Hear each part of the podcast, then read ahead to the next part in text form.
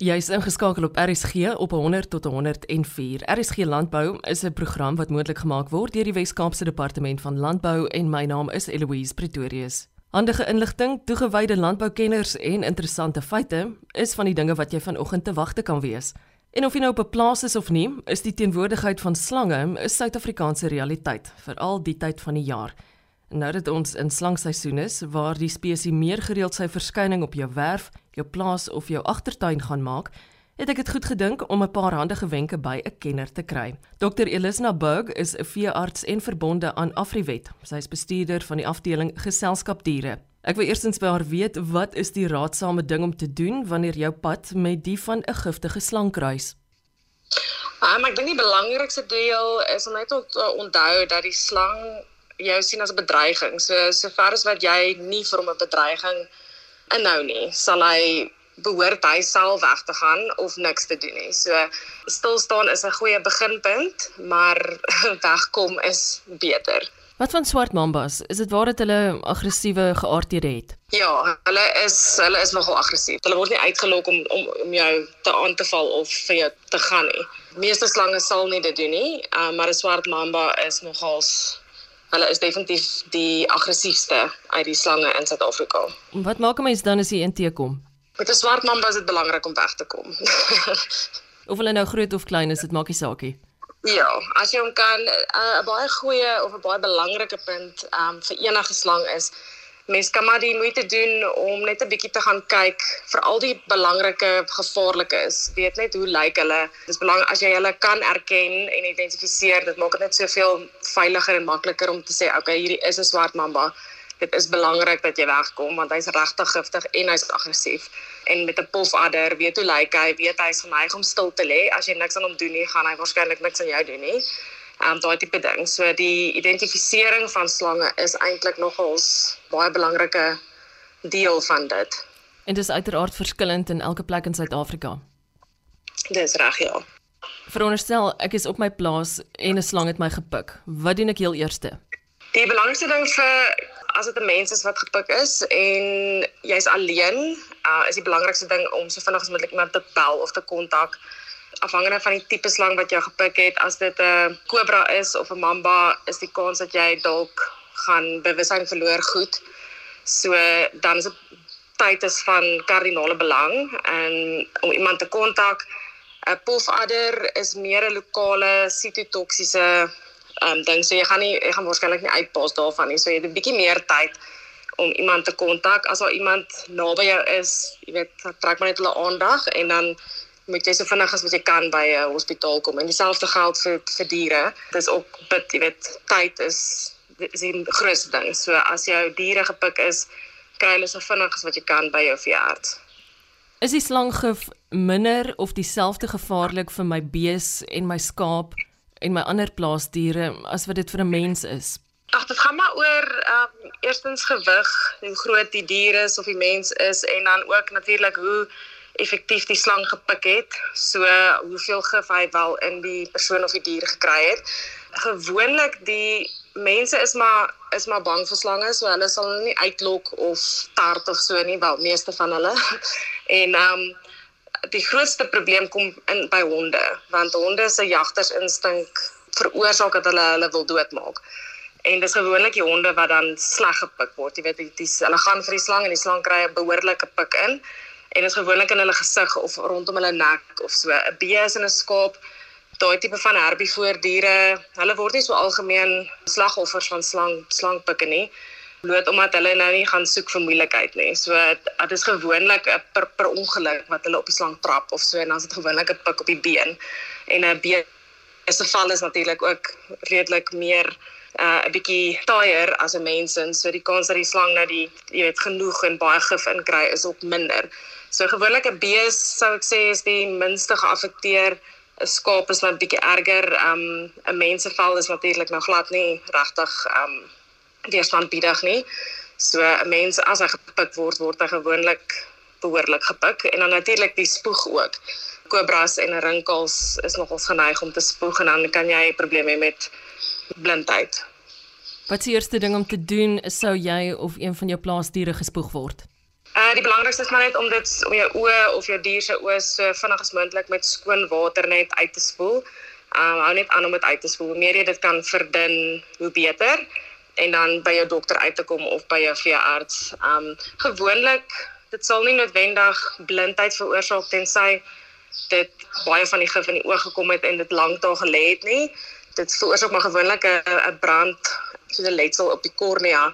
So as mens dit vinnig genoeg uitgespoel kan kry en verdun kan kry en jy kan medikasie en hulp kry by 'n dokter of 'n veearts dan is dan jy weet hulle kom reg. Dis nie noodwendig dat jy gaan blind wees nie. Is daar iets wat ek as boer kan doen om voorkomend op te tree om die slange weg van my diere en van my huis te hou? Um die groot ding is maar om jou omgewing skoon te hou. Slange soek maar skuilplek. So 'n groot ding is jy weet hou die gras kort rondom jou huis. Dis 'n dis dit dis belangrik. En dan enige iets wat skuilings kan gee vir hulle, enige bore wat jy dalk nie gereeld gebruik nie wat rond staan en 'n uh, jy weet 'n spasie het waar dit lekker beskik is en donker is. Jy weet dis vir hulle lekker. Hulle gaan daarin en dan verras hulle jou as jy nou eendag dit weer optel. So dit daai is maar eintlik die grootste ding wat jy kan doen. Ehm um, anders is dit die slange kom gereeld selfs in die woonbuurte se tuine voor. So um, op plase en plotte is dit net soveel groter moontlikheid dat jy in 'n slang gaan, jy weet 'n slang gaan raakloop. Ek dink altyd dit moet baie kompleks wees vir suikerrietboere. Ja, ja, absoluut. ja, dis 'n baie lekker baie lekker skuilplek vir slange. En ehm um, ja, die spesies, weet as jy 'n rinkels, dink ek is nogals baie algemeen, veral in die stedelike in die woongewoonbuurte. Ek meen as jy nou kyk na die na die Kaap en die en meer kusgedeeltes dan dan kry nou weer baie, jy weet die Kaapse kobra is bitter gevaarlik.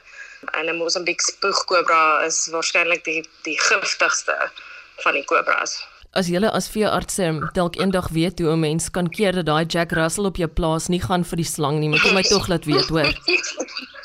ja nee, ek dink dit, dit gaan nog 'n paar jaar vat. Hulle is voor voor in die lyn om om 'n mens te red. Dis eintlik merkwaardig vir my hoe vreesloos 'n hond 'n slang sal aanval om jy weet in in in baie gevalle gebeur dit dat die slang eintlik die die hond die mense lewe red omdat hulle die slang wel aanval. Um en ongelukkig kry mens ook baie keer gevalle waar eienaars um op hulle hond afkom waar hy reeds oorlede is en hulle weet nie eers noodwendig dat hy gepik is nie. Dis belangrik om jou slange te ken. Waar kan ek aanlyn gaan kyk om myself 'n bietjie beter toe te rus met hierdie kennis? Ek dink die beste plek om te begin sal wees om jou area basies te Google en te sê wat se slange kom voor in hierdie area en jy behoort 'n lys te kry en dan dan sal ek spesifiek in elke spesies ingaan en navorsing doen oor elke spesies. Soos ek sê, daar's daar's nie so baie van hulle wat regtig giftig is nie. So as jy net hulle kan erken, dan is jy al 'n stapie voor. Net huislange en molslange en daai tipe goeters is nie is nie so gevaarlik nie. Daar is wel voëlslange en boomslange is baie giftig. Dit is baie onalgemeen dat jy iemand kry wat deur daai daai ouetjies gebuk word, maar hulle is nogal hoog op die lys van van um fataal. Wat op aarde is 'n voëlslang? gaan gaan gaan soek 'n bietjie 'n prentjie van hom. Hulle is verskriklik mooi. Hulle het sulke sulke so klein groen slangetjie met sulke vrek mooi oë, groot oogies. Dis regtig nogals ietsie om te sien. Ek kan nogals aanbeveel dat jy gaan gaan kyk hoe lyk hulle. Waar kom hulle voor? Hulle leef maar in bome, so die kans jy om gaan raakloop in jou tuin is nie so goed nie want hy sal waarskynlik in die boom bly en hy jy weet hulle is op maskie en sal wegkom. So enige enige tipe van 'n tropiese klimaat waar daar waar dit plante ryk is, ehm um, sal hulle voorkom. Ek sal nou nie kan dink dat hulle in die Karoo reg voorkom nie byvoorbeeld. Wat is jou gedagtes rondom mense wat giftige slange aanhou as troeteldiere? Ek dink as in so 'n geval is dit maar net baie belangrik dat daardie persoon presies weet wat die risiko is, hulle moet weet hoe om die slang te hanteer en dan moet net 'n uh, 'n plan B wees. Jy weet as hulle met die hulle met die nommers reg en alles as iets fout gaan dat hulle so gou as moontlik hulp kan kry. Maar ehm um, ja, dit is nie meeste mense hou maar as so corn snakes aan en luislange, jy weet luislange kan jy ook pik, maar dis net seer, dis daarom nou nie 'n uh, krisis nie. Is dit 'n groot probleem wanneer jy deur 'n slang gepik word en jy gaan na die hospitaal en jy is onseker wat dit was? En nou vra ek dit uit hoofde van die serum wat dan toegedien word. Die serum wat hulle gee is gewoonlik 'n polivalente teengif. So dit dit bevat gewoonlik 'n 'n verskeidenheid van teengif. So dit is nie so groot krisis as jy nie weet nie. En uit die simptome wat jy wys, kan hulle gewoonlik 'n uh, idee kry of dit 'n kobra, mamba of pofadder was. 'n Pofadder sal in 'n in 'n rinkel sal nogals 'n baie groot slegte swelling veroorsaak. Met die honde gewoonlik word hulle in die gesig of die nek gebyt en dan is dit hierdie vreeslike swelling en die en die risiko daar is eintlik meer oor die swelling wat die lig weer toedruk as enigiets anders. En as hulle 'n halsband of iets aan het wat dan dit nou die saak nou vererger. So mense kan gewoonlik vinnig sien o, okay, dit was 'n pofadder gewees en dan moet jy maar die swelling beheer en die teengif gee. En dan in gevalle van ehm um, kobras en mambas verloor verloor ehm um, dit is 'n verlamming en ehm um, die verlamming veroorsaak ook verlamming van ehm um, alle spiere insluitend die diafragma en dit veroorsaak dat 'n mens en 'n dier dan nou nie meer kan asemhaal nie. Ehm um, maar as jy dan vinnig genoeg by 'n hospitaal vir vers kan uitkom dan soos solank daardie persoon of dier op 'n ventilator gesit word, dan kan hulle gered word. Die probleem is maar net tyd, want as jy nou verlam raak en jy kan nie asemhaal nie, daai jy weet die tyd wat jy het om by hulp uit te kom is nogals is min. So uh, dis maar baie gevaar. Kom as jy eers daar is en hulle kan jou op die ventilator sit dan dan dan is die kans op oorlewing baie beter. Watter maande in ons land is veral gevaarlik of dan spesifiek die waarin ons ekstra versigtig moet wees? Ag dit is maar jou jou somermaande, so um en reënvalmaande. In die winter is hulle wel geneig om meer uit te kom tydens die warm warmer deel van die dag en dan lê hulle op die pad of so maar in so 'n geval is dit eintlik beter want jy kan hulle sien. So selfs al is is die kans dat jy hulle gaan raakloop goed in die winter omdat hulle op die pad kom lê. Um ten minste sien jy hulle. Waar in die somer sal hulle nou nie dit doen nie. Dan kan jy miskien per ongeluk op hulle afkom en as hulle in 'n hoek is of jy weet jy doen dit dalk nou nie as prins nie, maar as hy as 'n bedreig voel dan sal hy dan sal hy reageer. Dis altyd vir my baie lekker om met julle span te gesels by Afriwet. Veronderstel mense wat ingeskakel is vanoggend wil dieselfde doen, wat is 'n goeie manier om met julle te kommunikeer? Die beste manier is op, om op ons webtuiste te gaan. Dis www.afriwet.co.za. En um al die inligting is daar, al ons verteenwoordigers se se kontakbesonderhede is daar. So jy is meer as welkom op enige tyd enige een van ons te te kontak en ons wil graag help. Die die belangrikste wat ons wat ons reeds genoem het is maar net om te onthou dat dat tyd tyd is regtig belangrik.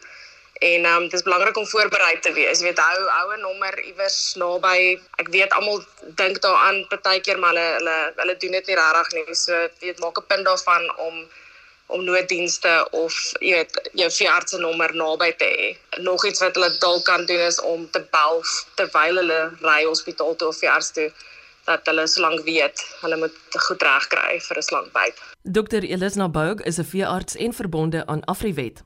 Sy is bestuurder van die afdeling geselskap diere. En soos jy nou gehoor het, is dit 'n goeie idee om jouself met kennis toe te rus oor hierdie inheemse reptiele wat tydens ons somerseisoen veral verskyn en bakop kom maak. Vind gerus vanoggend se program op www.elsenburg.com. Ek is Eloise Pretorius en ek sien daarna uit om môre om 12:15 weer saam met jou te kuier. Groete tot dan.